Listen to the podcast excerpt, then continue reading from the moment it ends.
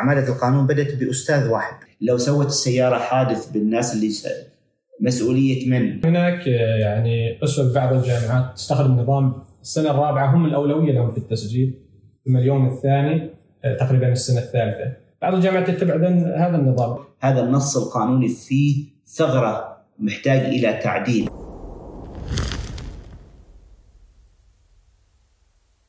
السلام عليكم ورحمة الله وبركاته. مرحبا متابعينا مستمعينا عبر صوت بروة في هذا اللقاء الجديد والمتجدد والذي من خلاله نبحر في مجال القانون. ضيفنا لهذا اليوم هو محامي استئناف وحاصل على الدكتوراه في مجال القانون الجنائي. شغل عدة مناصب كان أبرزها مدير الشؤون القانونية في هيئة تقنية المعلومات. لديه مكتبه الخاص للمحاماة والاستشارة القانونية. خبرة في مجال الأمن السبراني لمدة 17 عام وفي مجال القانون ل 27 عام. لديه أبرز المؤلفات وهي شرح قانون المعاملات الإلكترونية العماني والمنظومة في سلطنة عمان والسياسة الجنائية في جرائم تقنية المعلومات. ضيفنا لهذا الليلة هو الدكتور حسين بن سعيد الغافري عميد عمادة القانون في الجامعة العربية المفتوحة. دكتور حسين مرحبا بك. ضيفنا معنا في صوت ضوء ونحن سعداء بهذه الاستضافة. وأنا أسعد بارك الله فيكم أخوي أحمد وشكرا على هذه الاستضافة وعلى هذه اللفتة الكريمة. نتمنى لكم التوفيق إن شاء الله. مرحبا بك دكتور. طبعا نذكر أن حلقتنا لهذا اليوم ستكون مقسمة على ثلاث محاور. المحور الأول سنتحدث عن الحياة الجامعية هنا في الجامعة العربية المفتوحة والمحور الثاني سنتطرق إلى بعض الجوانب في القانون الجنائي والمحور الثالث سيكون عن جرائم تقنية المعلومات. آه، دكتور حسين كونك مررت بالعديد من المحطات في مجال القانون ما بين الوظيفة العامة ومكتبك الخاص بالمحاماة وأيضا المجال الأكاديمي الذي تشغل حاليا منصب عميد عمادة القانون هنا في الجامعة العربية المفتوحة. ما هي أبرز المفارقات آه، ما بين هذه المجالات وماذا تختلف رغم أنها تندرج جميعها تحت مظلة واحدة وهي مجال القانون. آه، هو بالفعل إذا ثمة فارق بين بين الثلاث مجالات التخصصية هذه نجد أنه آه، عملي في القطاع الحكومي كان آه، نوعا ما محصور بالوظيفة العامة وبالأشياء اللي لها علاقة بالجهة اللي أنا أنتمي إليها وأعمل فيها خاصة وإني في قبل لا آه، أغادر القطاع الحكومي كنت أعمل في هيئة تقنية المعلومات وبالتالي هذه الهيئة كانت مسؤولة عن كل التعاون المشاريع اللي لها علاقة بتقنية المعلومات. وبالتالي العمل في المجال القانوني نوعا ما محصور بأنواع معينة من القوانين إذا صح التعبير يعني. أما في مجال المحاماة فالوضع يختلف نوعا ما لأنه قطاع المحاماة هو قطاع متنوع وبالتالي المحامي لابد أن يكون ملما آه، بمجموعة أو بجميع القوانين لأنه يعني القضايا اللي تجيه من ممكن تكون جناية ممكن تكون مدني تجاري شرعي آه، مختلفة وبالتالي هي فيها نوع من التجديد بعيد عن الروتين اللي هو قد يعني نجده في العمل الحكومي آه، نوعا ما. أما في المجال الأكاديمي فالوضع مختلف كليا حيث في العمل الأكاديمي إحنا نعلم القوانين القانون وبالتالي أيضا في تشابه ما بين العمل في قطاع المحاماة والعمل في قطاع الأكاديمي أن كلا المجالين يخلي الشخص على اطلاع مستمر على متابعة كل جديد على البحث على الدراسة على آه، إتقان فن الكتابة آه، إتقان فن الإلقاء. كل هذه أمور لابد أن يتقنها المحامي ليكون محامي يشار إليه وأيضا لابد أن يتقنها الأكاديمي على أساس يستطيع توصيل المعلومة. ومثل ما ذكرت أخوي أحمد في النهاية هي الثلاث مجالات كلها تحت مظلة واحدة وهي القانون. لعل هو الأساس يبدأ من الجامعة من الكلية لأن الطالب لما يتلقى الجرعة القانونية المناسبة ينطلق إلى سوق العمل، هذا سوق العمل قد يكون في قطاع المحاماة وقد يكون في القطاع الحكومي وقد يكون في القطاع آه، الخاص يعني. نعم نعم دكتور. آه، في الحياة الجامعية آه، ما هي أبرز التحديات اللي لربما تواجهها عمادة القانون سواء كان آه، من المستجدات التي حصلت في الفترة الماضية مثل جائحة كورونا أو لربما على الصعيد الكادر الأكاديمي أو حتى على مستوى طلبة القانون ما هي أبرز التحديات التي تواجه العمادة هنا؟ هو يعني إذا في الفترة الماضية يعني كانت نقلة نوعية لما انتقلنا من التدريس في العالم المادي الملموس داخل أروقة الجامعة إلى العالم الافتراضي ولكن ما أخفيك القول إنه هذا شوية أوجد نوع من الفارق في التحصيل العلمي. آه، لأنه الوقوف أمام أمام الأستاذ والشرح وجها لوجه يختلف عن آه، الشرح في العالم الافتراضي يعني. وبالتالي بالفعل وجدنا في فارق في نوعية أو في مقدار التحصيل آه، العلمي. يعني الطلبه بعد ما رجعوا إلى أروقة الجامعة وبدت المحاضرات داخل القاعات الدراسية كان هناك فارق بالفعل يعني في مز... في في في المستوى الأكاديمي يعني نعم. آه فكان من ضمن من أبرز التحديات في هذا المجال كيف نستطيع إحنا ك كأساتذة داخل عمادة القانون يعني عندنا الأمانة اللي هي لابد أن نخرج جيل آه، قادر على مواكبة كل جديد في المجال القانوني في سوق العمل وبالتالي لابد من تغطية هذا الفارق في آه، في التعلم إذا صح آه، التعبير.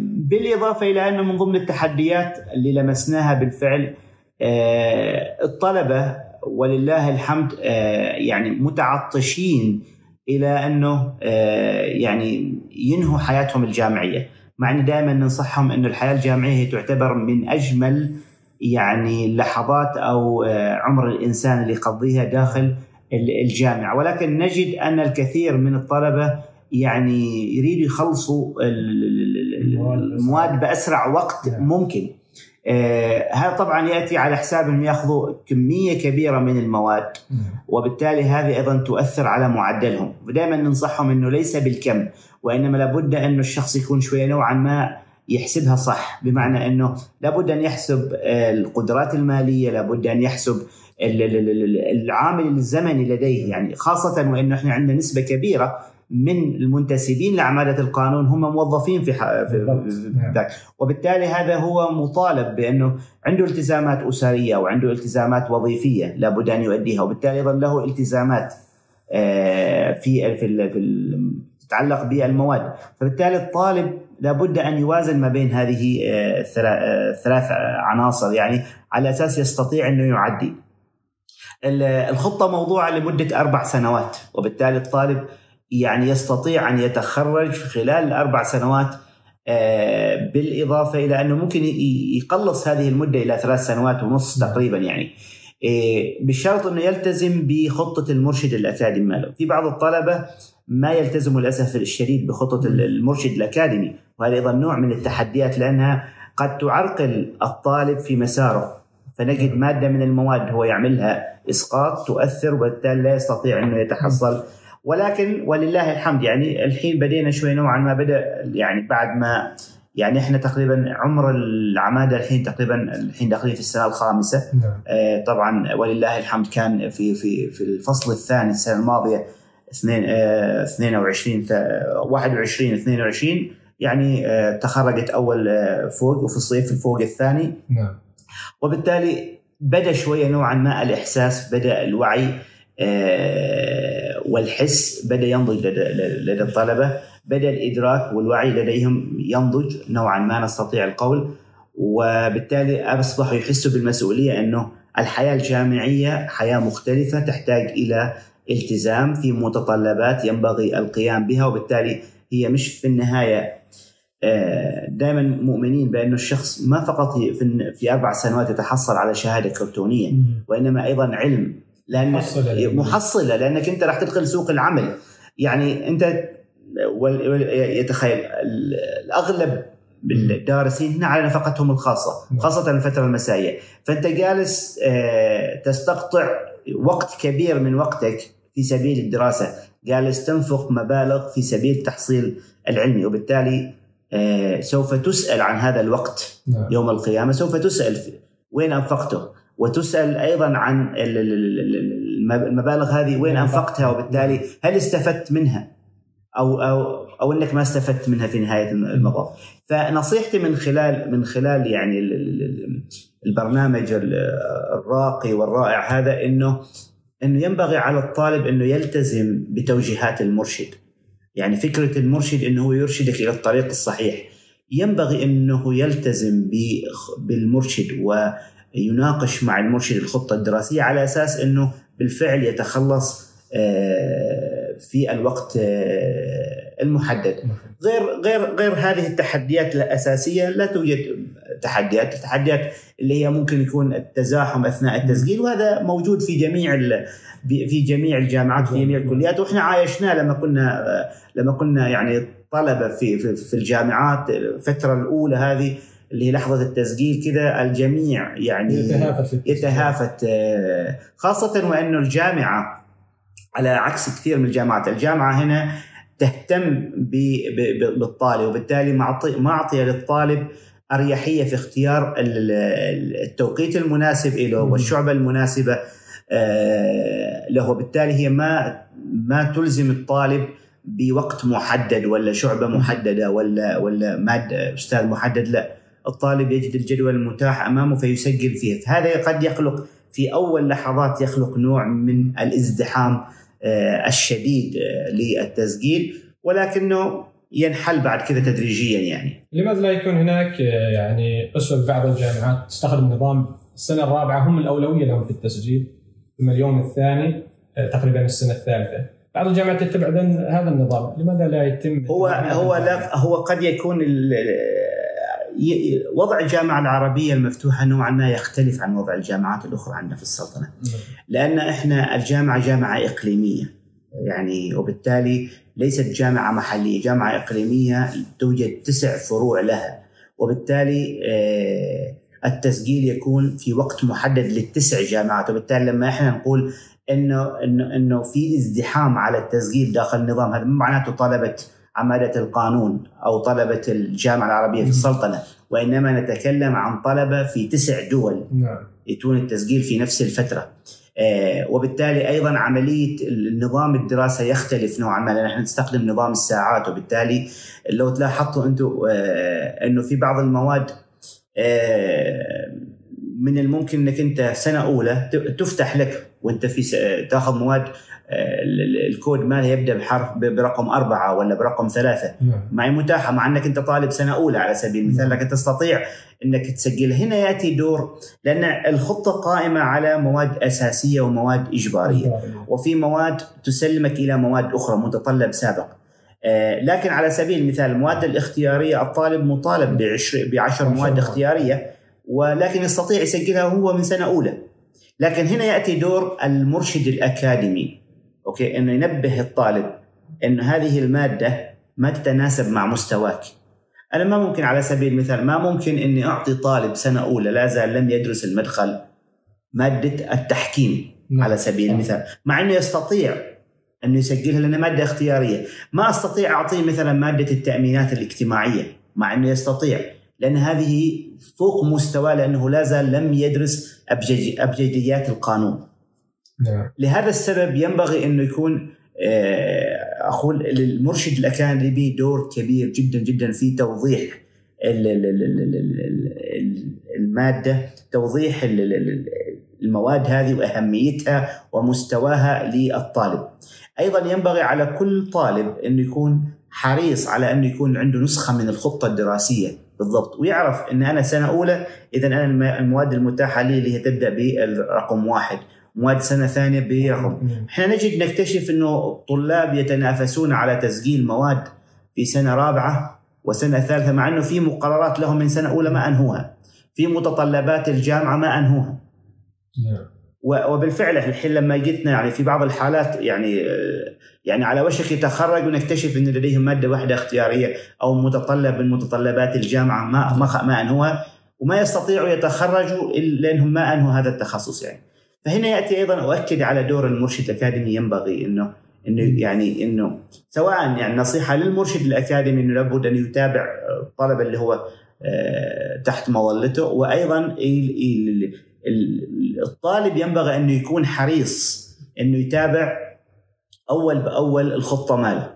وهذا أقول لك إنه شوية وجهة النظر مختلفت نوعا ما بعد هذه الفترة إنه أصبح آه، لأنه الطلبة يشوفوا زملائهم اللي تأثرت دراستهم أو إنه تعثرت الخطة مالهم. فعلى أساس ما يقع في هذه المطب تجده إنه يسأل الدكتور أنا أريد لك تنظم لي الخطة. كيف أنا ممكن الفصل القادم إيش المواد اللي أنا أسجلها؟ والفصل القادم تنصحني بإيش؟ بدأت الثقافة تتغير نوعا ما. يعني يعني آه لما نجي نشوف نقارن ما بين 2019 وما بين الحين لا الثقافة اختلفت كليا. سواء في التعليم المفتوح الفترة المسائية أو التعليم المنتظم الفترة الصباحية. أصبح الطالب أو الطالبة حريص يأتي يسأل دكتور أنا أريد أنظم الخطه مالي أنا أريد كيف بالضبط؟ أنا أريد أخذ عدد معين من المواد بحيث إني أرفع المعدل المالي آه، ما ينزل.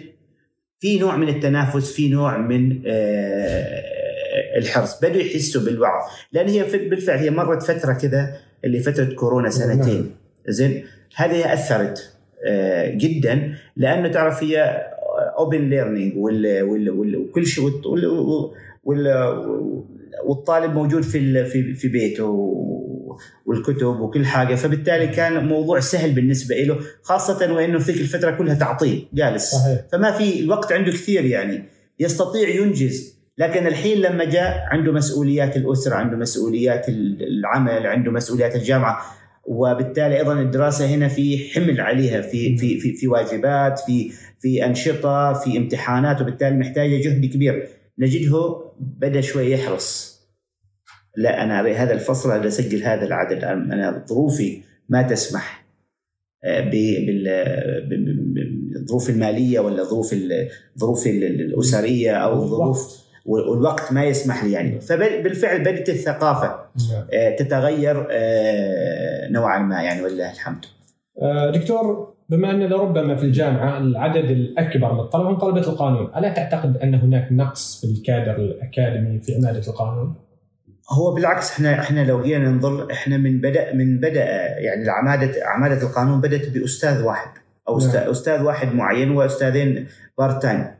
آه بعدها كل سنة الحين إحنا السنة الماضية التحق معانا اللي هم توظفوا أربع أساتذة جدد. نعم. والحين عندنا أستاذين الحين في في في إطار تعيين أستاذين جدد. فعملية عملية عملية التسجيل التعيين مستمرة. وعندنا خطة لين خمس سنوات قدام يعني. يعني ولله الحمد البرنامج لاقى نجاح وإشادة آه، من إدارة الجامعة من رئاسة الجامعة. آه، وعندنا دعم وإشادة من رئاسة الجامعة من المقر الرئيسي يعني قالوا إيش بالضبط. يعني حتى تجربة السلطنة في في في الجامعة العربية المفتوحة بالسلطنة عمان في مجال القانون يريدوا يطبقوها في في في في دول أخرى يعني. نعم. آه يعني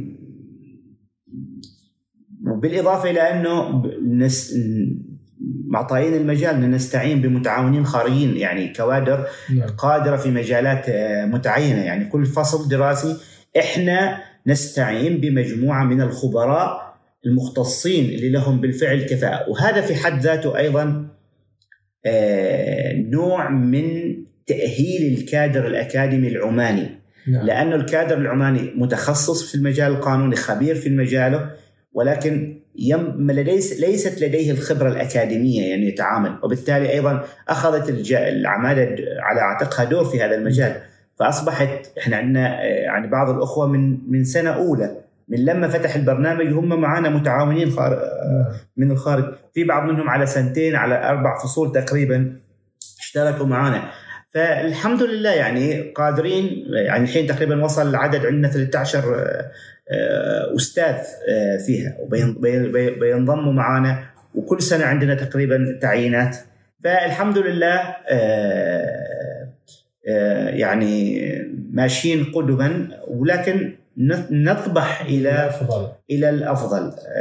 ونطمح إلى إلى إلى المزيد. إحنا مقارنة بباقي الأقسام لا. إحنا تقريبا الأكثر يعني عددا يعني. سواء من حيث الكادر الإداري الكادر الأكاديمي ومن حيث أيضا عدد نعم. آه، الطلبة يعني ولله الحمد يعني. بما ان دكتور هذا الإنجاز وهذا النجاح وأيضا بعد تخريج الدفعة الأولى لطلبة القانون واللي التحقوا في العام 2018 آه، هل هناك خطط وطموحات أكبر للعماده من خلال طرح برنامج الماجستير القانون؟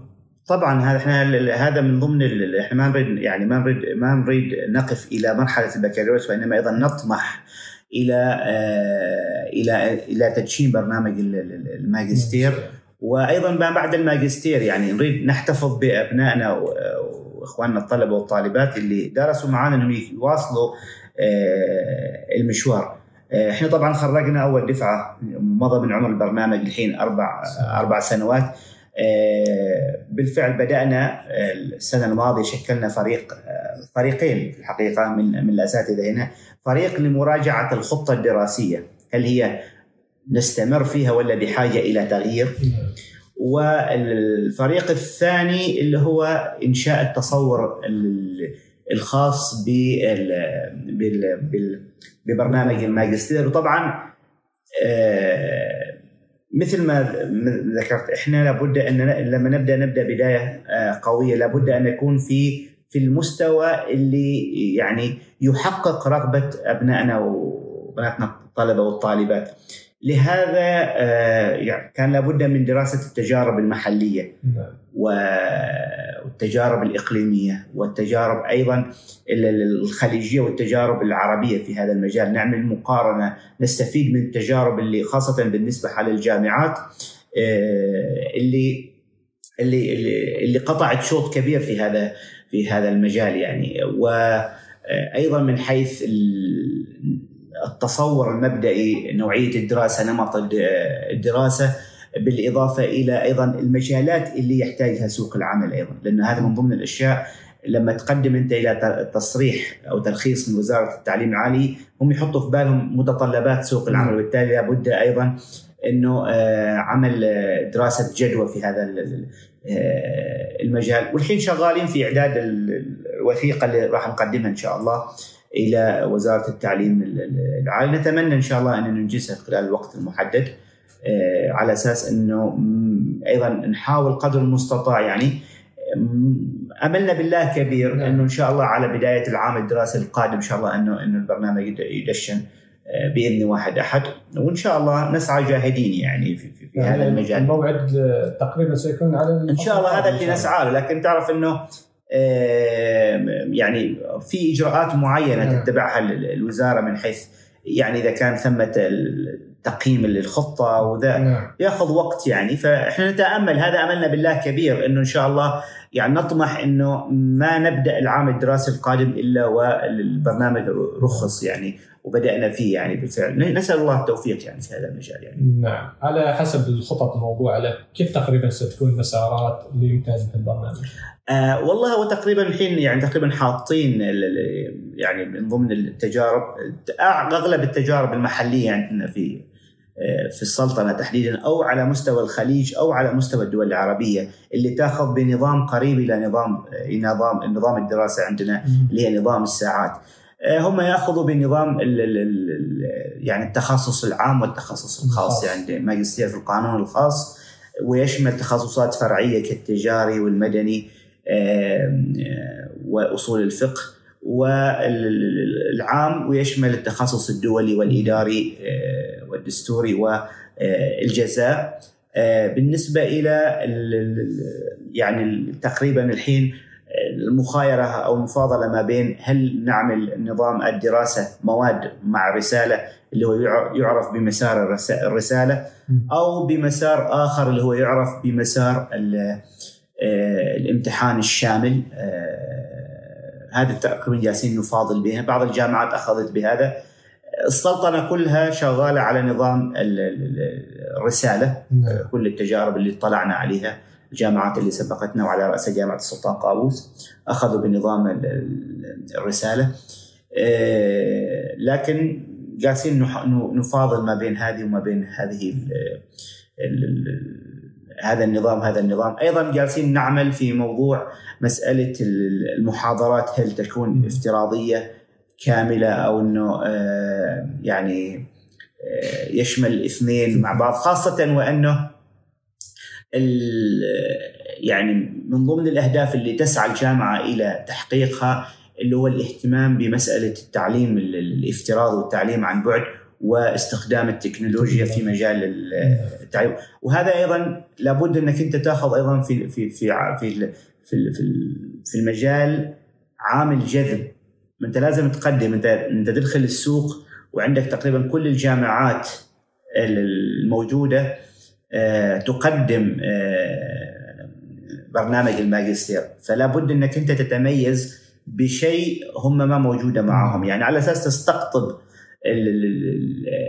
الطلبة الدارسين والراغبين فيها في هذه الدراسة. لكن في في في في, في نهاية المطاف فيه إطار وطني للمؤهلات نعم. معتمد من وزارة التعليم العالي لابد أن يتم اتباعه من حيث عدد الساعات المعتمدة، تقسيماتها، نوعية الدراسة، وأيضا لابد أن نراعي أيضا اللوائح الداخلية للجامعة لأن الجامعة لديها أيضا لائحة أو اشتراطات لمتطلبات الحصول على درجة الماجستير وبالتالي لابد أنك أنت لما تعمل التصور الخاص بك أنت لابد انك تغطي الجانبين هذول يعني. هل ستكون هناك ميزة للطلبة الخريجين من الجامعة العربية؟ والله هذا هو اللي جالسين نسعى له من ضمن الأشياء اللي المقترحات اللي إن شاء الله راح راح نقدمها إنه لابد إنه كنوع من التشجيع للطلبة يعني آه، نشوف ما هي ممكن المميزات اللي نستطيع أن نعطيها آه، اياها ونسال الله إنه يعني إنهم إنه إدارة الجامعة آه، تدعم الموقف بإذن الله نعم ذلك دكتور نعم. آه ندخل للمحور الثاني من حلقتنا هذا اليوم وهو عن القانون الجنائي. آه دكتور كونك تحمل الدكتوراه في المجال القانوني أو المجال الجنائي عفوا، ما هي أبرز القضايا اللي شاهدتها أو عاشتها أثناء ممارستك لمهنة المحاماة وما هي الأكثر انتشارا في السلطنة على مستوى القضايا الجنائية؟ والله هو أنا يعني يؤسفني ان أقول إن إحنا جالسين في السلطنة نشهد نوع من التطور في مجال الإجرام. يعني حقيقة لما كنا في السابق نسمع يعني أكثر الجرائم اللي ترتكب هي جرائم يعني الجزائية جرائم الشيكات بدون رصيد هذه من الجرائم الواقعة على الأموال أو جرائم السب والقذف اللي هي واقع على الأشخاص يعني نعم. هذه أكثر الجرائم اللي تتداول وخاصة مع ظهور التكنولوجيا أيضا بدت الجرائم بالذات جرائم السب والقذف آه، يعني تأخذ وضعها يعني. لكن آه، ما يؤسفني قوله إنه السلطنة أيضا بدات تشهد آه، زيادة في عدد الجرائم جرائم جنايات مثل جرائم المخدرات في منها جرائم دخلنا في جرائم غسيل الأموال. بل أنه ببعض الأحيان يكون نشهد في المحكمة حتى جرائم الإتجار بالبشر يعني في بعض الحالات بسيطة يعني نعم. آه، جرائم القتل جرائم القتل أصبحت بالفعل بدأت تنتشر يعني هو نادر ما نسمع يمكن في كل خمس سنوات ست سنوات نسمع جريمة واحدة ولما نسمع جريمة يعني كأنها شيء مستغرب يعني نعم. آه، لكن الحين أصبحت بالفعل آه، يعني بدات تنتشر جرائم القتل الحين بشكل يعني غير طبيعي يعني. وهذا ما يعني يمكن بسبب لم يألفه المجتمع. لم يألفه المجتمع. مجتمع مجتمع السلطنه كلنا نعرف. مجتمع نعم. السلطنه مجتمع متآلف مسالم آمن يعني. انت ممكن انك انت يعني تترك بيتك مفتوح وتروح نعم. عادي يعني. الحين أصبح في نوع من الخوف نوع من القلق. الحين أصبح الواحد بالفعل ما يعني ما يحس بنوع من في بعض الأماكن ما تقدر ما أقدر أعيش. فهذه الجرائم بدت بالفعل إنها يعني بدت تنتشر يعني. لعل من أبرز اللي أثرت في كشخص هي يمكن قضية قتل حصلت من فترة وحتى هي من ضمن من ضمن القضايا اللي هي بالفعل يعني آه، حركت آه، الرأي العام نعم. هيئت الرأي العام يعني يعني بالفعل آه، يعني من خلال متابعتي لهذه القضية اكتشفت إلى أي مدى وصل الفكر الإجرامي عندنا في السلطنة يعني عملية التخطيط ما بين الشركاء نعم. من حيث الدخول لعالم الانترنت والقراءة واختيار الوسيلة المناسبة للقتل وأيهما أنسب وكيف إحنا نهرب من الإدانة وبعدين بعد كذا المرحلة اللي بعد كذا عملية التنفيذ كيف نشتري الأدوات من وين نقدر نتحصل على الأدوات وبعدين رسم السيناريو سيناريو التنفيذ توزيع الأدوار ما بين الشركاء وبعدين ساعة الصفر وعملية التنفيذ. يعني تدل على أنه بالفعل هناك مش فقط تعال حصلت مشادة ما بين اثنين وضرب واحد الثاني لا أصبح هناك في نوع حتى من الإصرار من الترصد آه هذا في حد ذاته. وفي نفس الوقت ما اثلق صدري وقتها كنت أتابع أنه هناك هناك آه أخوة أعزاء في في الجهات المختصة الادعاء العام الشرطة اللي هم بالفعل قادرين على التعامل مع هذه المعطيات آه، من من الجرائم ومكافحة هذه النوعية آه، من آه، الجرائم.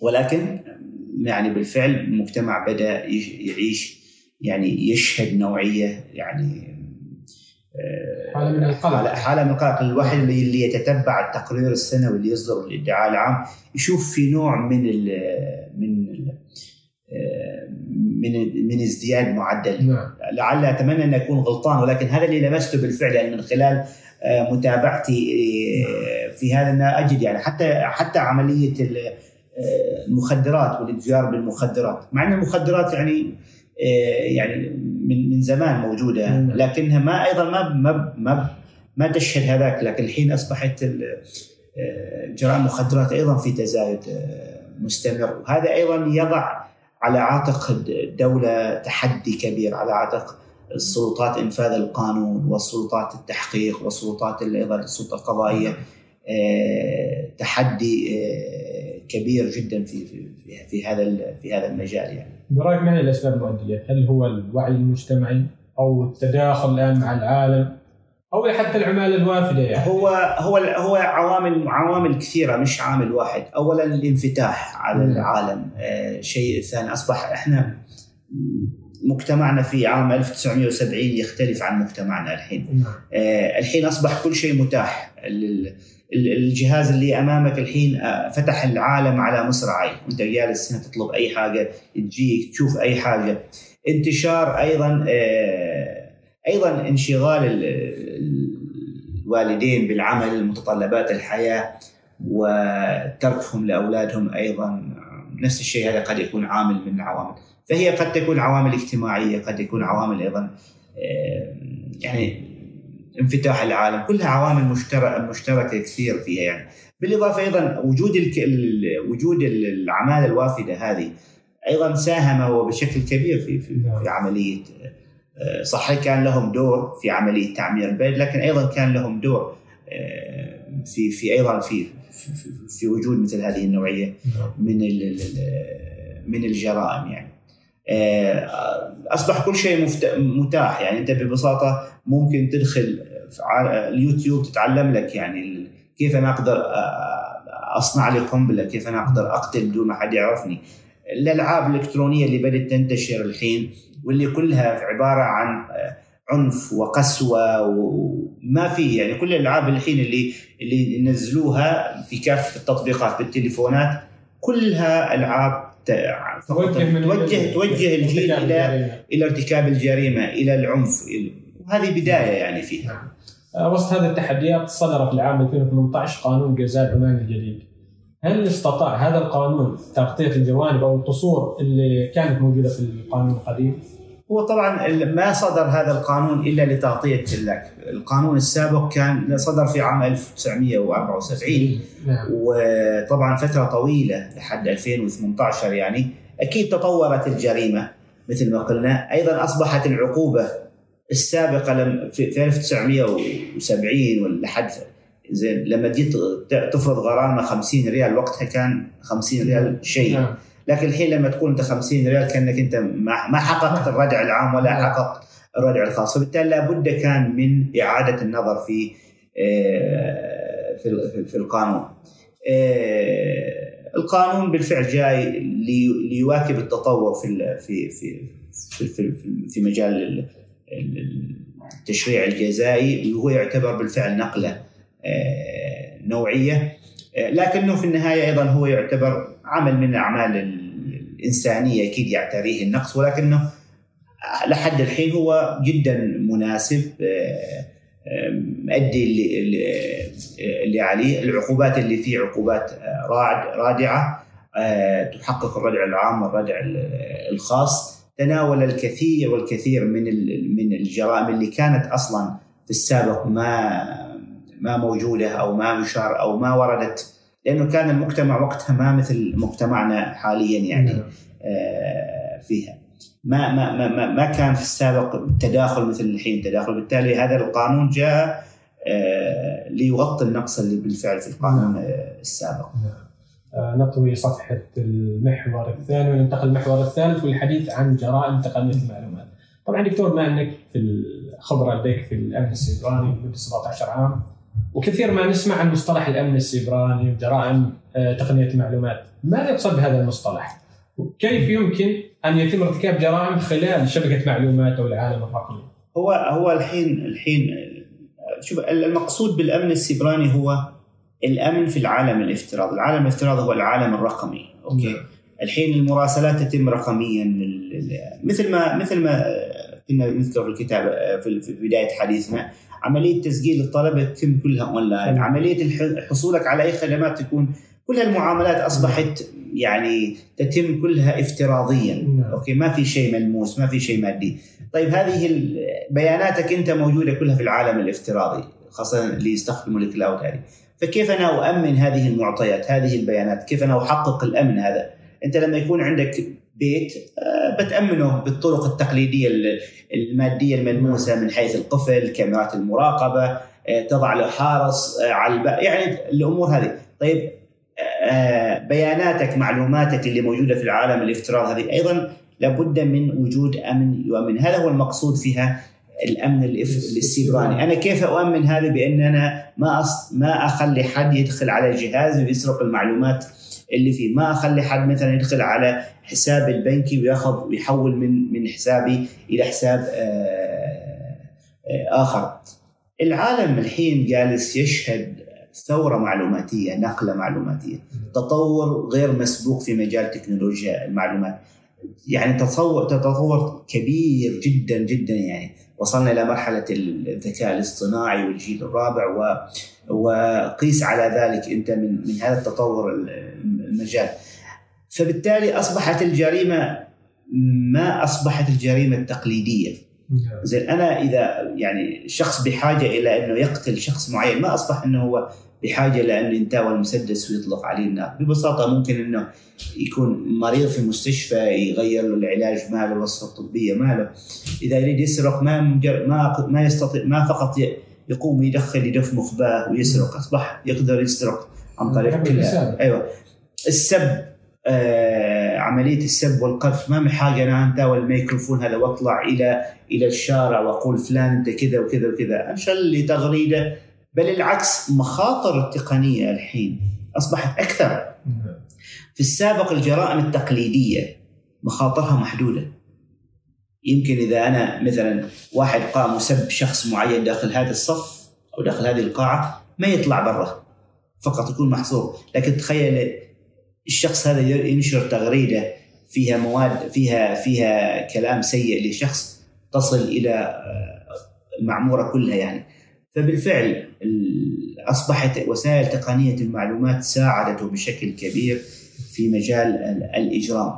وهي قد تكون إما أن هي محل لارتكاب الجريمة وإنما هي تستخدم كوسيلة لارتكاب الجريمة، أنا ممكن أستخدم هذا الجهاز في ارتكاب وسيلة وممكن أيضا انه هو يكون الضحية الجهاز هذا وما فيه آه، من آه، من معلومات خاصة وإنه كثير من من الشركات قائمة على المعلومات يعني شركات كثيرة رأس مالها المعلومة وبالتالي لو آه هذه المعلومات تأثرت ولا تضررت خلاص معناته قضيت انت عليها هذه نعم. هذه الشركة يعني. بما أن العالم الرقمي والافتراض صار واقع علينا بالتالي كيف إحنا نقدر نحمي المستخدمين من الجرائم اللي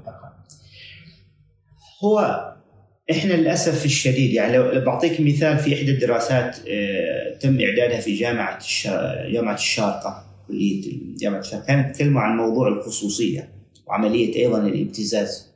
يعني جرائم الابتزاز هذه من الجرائم اللي تستخدم فيها التقنية واللي للأسف الشديد يعني آه، إحنا في هذا المجال يعني من فترة قبل أنا آه، يعني ألتحق بالجامعة من لما كنت في هيئة تقنية المعلومات ونحن نتكلم عن موضوع الابتزاز والورش التوعوية وإنه نوعي الناس وكثير من الجهات قامت بهذا الدور آه، ومع ذلك نجد أن هذه الجريمة لا زالت في تزايد. آه، السبب ببساطة هو عدم الوعي بمعنى إن أنا ما أعرف أنا أخذ الجهاز وأتساهل في خصوصيتي. آه، في تساهل بمعنى كل شيء تنشره في في, في ال social media، كل شيء تعطيه في ال social media، كل حاجة أصبح الخصوصية ما لها ما موجودة في عالم في عالمنا الرقمي. okay؟ أنت مستحيل زين آه، تخلي بيتك مفتوح، لازم تقفله. زين ومع ذلك أنت كل بياناتك كل أسرارك موجودة في العالم يعني اللي يتابعك يعني أستطيع أن أقول لك في بعض الأشخاص أنا من خلال متابعتي لهم أنا أستطيع أقول لك بالضبط برنامجه اليومي من الصباح يصحى من النوم لحد ما يرجع البيت وينام.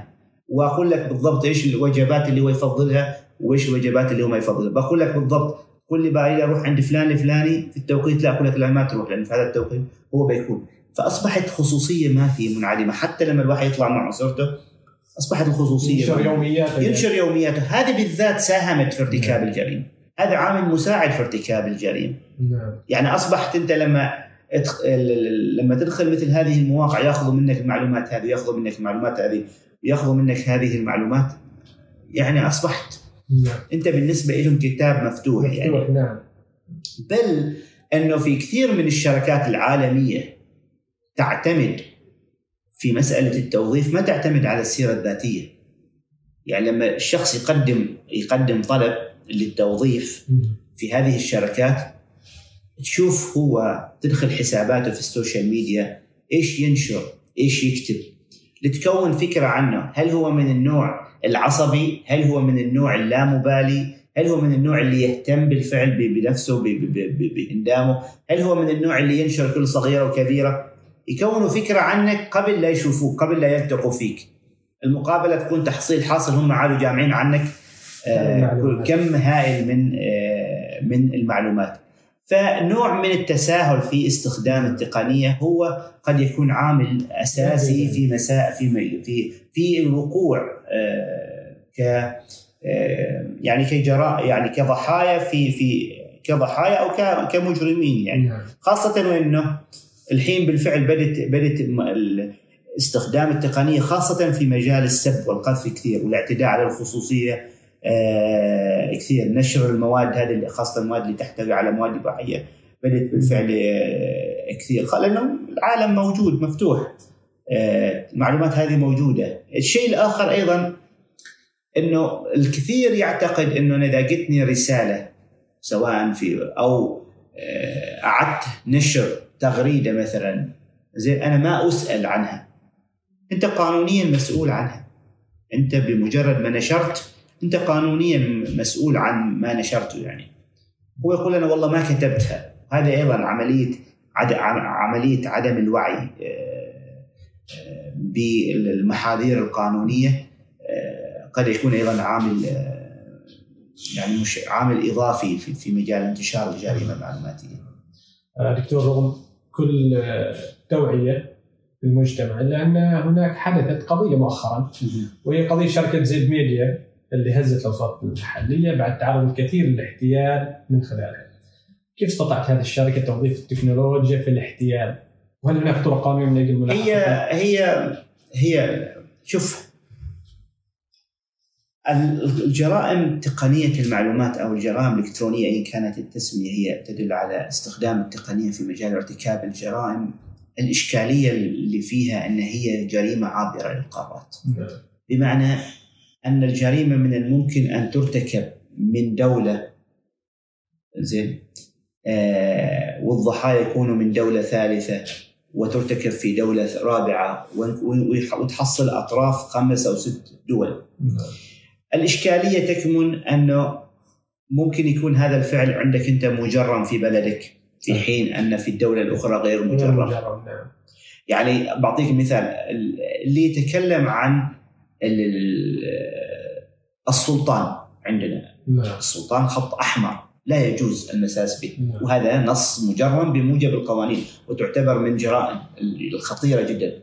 في حين أن بعض الدول لا بإمكانك أنت تجلس وتتكلم عن رئيس الدولة بدون مذاك. فعملية عملية إنك أنت تسعى وراء الجناه وتقبض محتاجة إلى تعاون دولي. هذا التعاون الدولي لحد الحين ما ما موجود. يعني ممكن يكون في اتفاقية دولية اللي هي اتفاقية بودابست اللي وقعت في عام 2001 آه، 2001 آه، فقط ما بين الاتحاد دول الاتحاد. الاوروبي لكن على مستوى العالم ما موجود. فيبغى يعني يكون عن عن طريق التنسيق المتبادل ما بين الطرف هذه آه، والطرف هذه. فهي هي الإشكالية تكمن في مسألة كيف إحنا نستطيع الوصول. لو عرفنا الجناة مثل في القضية المثال اللي ذكر.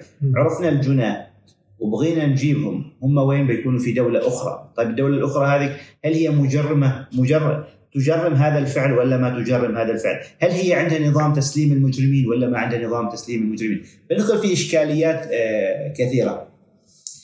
هذول الجماعة مثلهم مثل باقي الجماعة. استغلوا استغلوا حاجتين استغلوا التقنية وجهل الناس في هالتقنيه بمجرد ما معنا يعني في ما على اطلاع دقيق بهذه القضية تحديدا ولكن ما وصلني من خلال متابعتي لما حصلت إنه هذه ال- ال- الشبكة حتى تطبيقاتها تطبيقات مالها ما معتمدة من أندرويد ولا معت- معتمدة من أبل يعني هذا مم. أكثر نظامين اللي تس...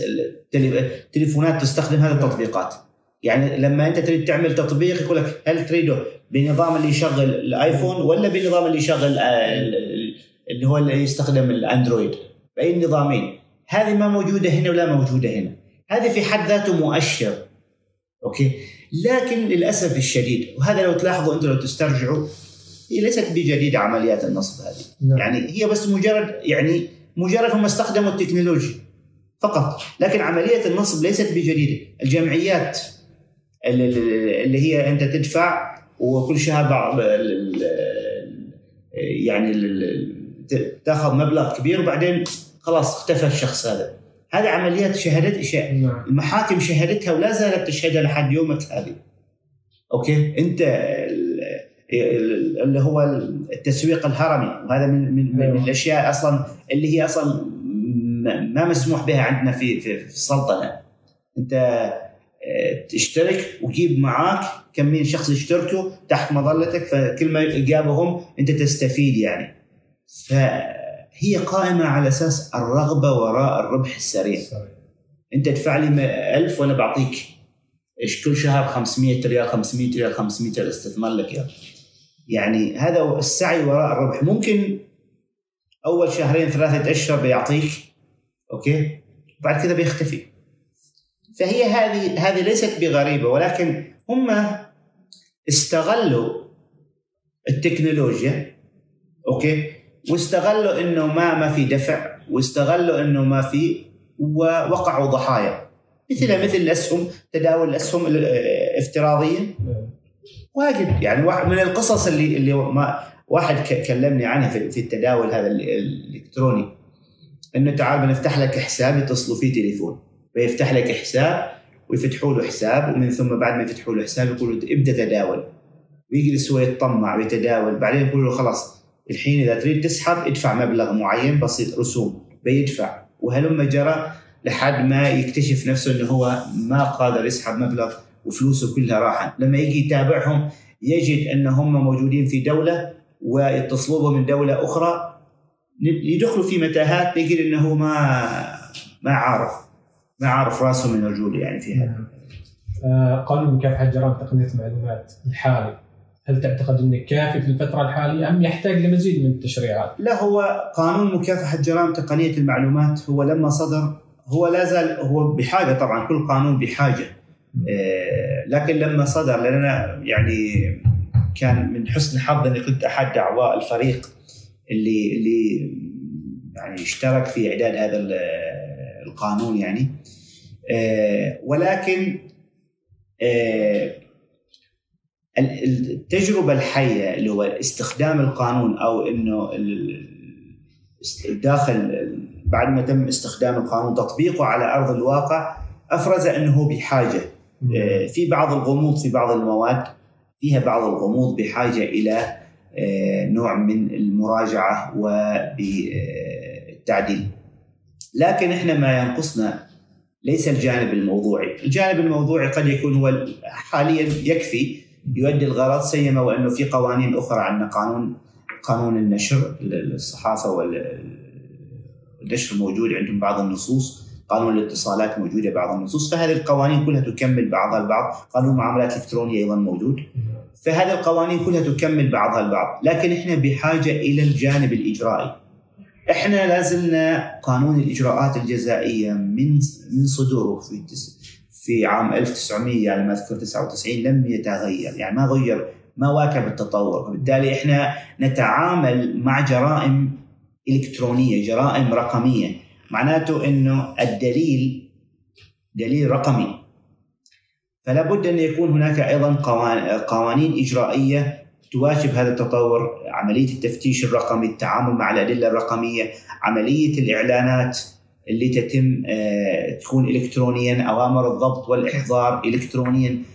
كل هذه الأمور لابد أن أيضا يتم تقنينها. فلا بد أنه الحاجة ماسة الحين حاليا إلى إجراء مراجعة شاملة لقانون الإجراءات الجزائية على أساس يواكب ويغطي النقص، أما الموضوع أنا أشوف أنه وإن كان كنا بحاجة لأنه الحين كملنا تقريبا من صدور القانون كملنا ما يقارب عشر سنوات يعني.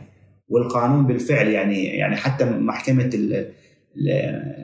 محكمة المحكمة العليا في كثير من المبادئ أصبحت آه، يعني آه، أخرجتها آه، يعني في سبيل تصديها لبعض الجرائم الخاصة بتقنية المعلومات. فبالتالي دراسة هذه القضايا وهذه المبادئ وأخذ مرئياتها وبالتالي بحاجة بالفعل إلى انه وأنا على حد علمي انه انه إنهم الجماعة كانوا في فترة قبل سنتين قبل ما ندخل في في في جائحة كورونا كانوا في فريق عمل مشكلينه من من المختصين في وزارة النقل والاتصالات سابقا كانوا هيئه تقنية المعلومات. ومن المختصين في الادعاء العام والشرطه والقضاء كانوا على أساس دراسة القانون هذا ومراجعته وهل في ثمة نصوص آه، يكتنفها الغموض أو إنه كافيه وأتوقع إنه إنه بالفعل في حاجة ماسة يعني. نعم. آه إلى إلى لأنه في كثير الحين من الجرائم راح تظهر. ما كانت موجودة. في كثير من التحديات القانونية كانت مو ما كانت موجودة الحين بتبدأ تظهر. يعني كيف نتكلم إحنا لما نشوف مثلا المثال اللي هي السيارة ذاتية القيادة الحين اللي أصبحت واستخدام الذكاء الصناعي طيب لو سوت السيارة حادث بالناس اللي مسؤولية من كيف تجازئ أنت السيارة؟ هل أنت تعاقب السيارة؟ هل راح تعاقب المبرمج؟ هل راح تعاقب من بالضبط مسؤولية من من الناحية الجزائية؟ نفس الشيء بالنسبة إلى اللي يستخدموا الريبورتات هذول يعني نفس الشيء. فالمسؤولية هذه أفرزتها كثير من التحديات يعني.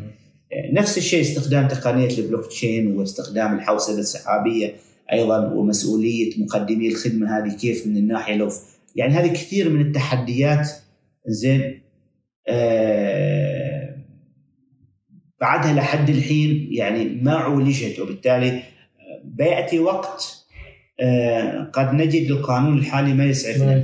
ما يسعفنا في هذه نعم. فبحاجة إلى بالفعل بحاجة إلى يعني مراجعة كنوع من وإجراء التعديلات آه، المطلوبة فيه يعني. نعم. آه، دكتور محاولنا ثلاثة انتهت رسالة أخيرة توجهها إلى قبيلة القانونيين كما يصفهم الدكتور محمد العالم أو للطلبة الذين سينتسبون لهذه القبيلة؟ آه الرسالة اللي أوجهها يعني اولا ان هم التحقوا سواء اللي هم منتسبين حاليا آه إلى قبيلة القانونيين. آه اختاروا التخصص اللي هو يعتبر مرآة المجتمع.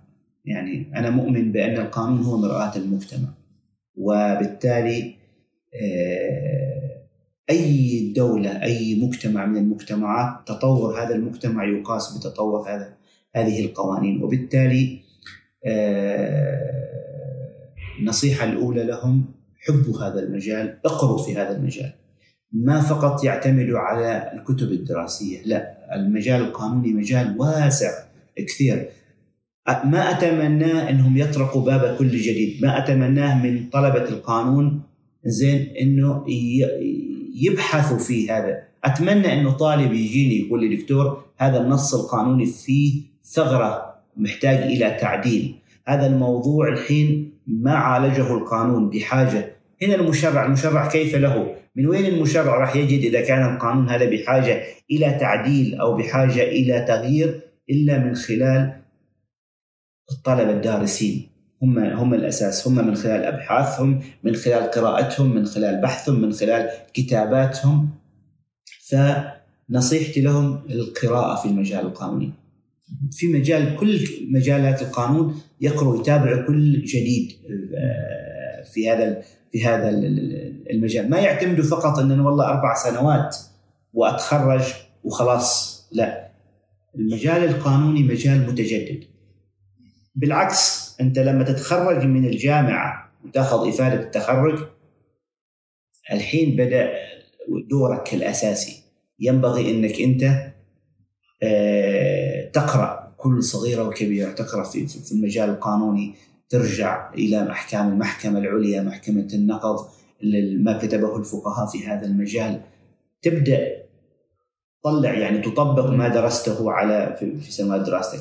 أما بالنسبة إلى الطلبة الجدد الملتحقين في البداية اهنئهم على اختيارهم القانون. أوكي؟ آه كما تكلمنا يعني في, في, في اليوم التعريفي مع إخواننا الطلبة والطالبات على أنهم اختاروا التخصص اللي الدولة لا زالت لحد الحين بحاجة وبحاجة ماسة له. سوق العمل متعطش جدا إلى وجود قانونيين متميزين. لكن القانون المتميز ما يأتي من فراغ. لابد أن الواحد يشتغل على نفسه يبذل آه، جهده. أول نصيحة لابد أن يحب القانون. وهذه النصيحة اللي نصحني فيها أحد الأخوة وأنا التقيت فيه في المطار لما كنت مسافر آه، بأول مشوار حياتي. يعني لسه طالب جديد أول سنة أولى. فيسألني نوع من الدردشة إيش تخصص؟ قلت له القانون. قال لي نصيحتي لك حب القانون. لما تيجي تقرأ الكتاب تقراه بشغف. يعني كأنك متعطش له ما تأتي بس فقط والله يعني كأنك داخل داخل قاعة المحاضرة أنت مغصوب ما لا حب القانون راح تجد نفسك مبدع. في الكتابة في التحليل في ال في ال في البحث. راح تجد عندك آه، أفكار آه، جدا آه، مناسبة. خاصة وإنه إحنا السلطنه خاصة في المرحلة الجديدة هذه زين متجهة إلى الاهتمام بالبحث والبحث العلمي تحديدا. وبالتالي تريد ترتقي من هذا في هذا المجال. وبالتالي نريد نشوف مجموعة من الشباب بالفعل اللي هم آه، يستطيعوا أنهم يدخلوا في هذا المجال ويبحثوا آه، في هذا المجال خاصة وأنه كثير من المجالات الحديثة اللي ظهرت هذا الحين لم يتم دراستها من الناحية آه، القانونية. نعم. في نهاية اللقاء دكتور شاكرين لك حضورك وتشريفك لنا في هذا اللقاء ونحن نعد أيضا بأن تكون هذه الحلقة مثرية كونك ضيف في هذا اللقاء. شكرا دكتور. بارك الله فيكم والشكر آه، لكم أنتم على هذه اللفتة الكريمة وعلى هذه الاستضافة. آه، الكريمه وهذا ليس بغريب عليكم. أتمنى لكم التوفيق والنجاح وأتمنى لصوت بروه أنه يعني يصل إلى العالمية إن شاء الله بإذن واحد أحد. اذا متابعينا هذا كل ما لدينا لهذا اليوم. في الختام تقبلوا تحياتنا تحيات فريق العمل محمود السعيدي فاطمة الحضرمية وتحياتي أنا أحمد سعدويهي طاب يومكم إلى اللقاء.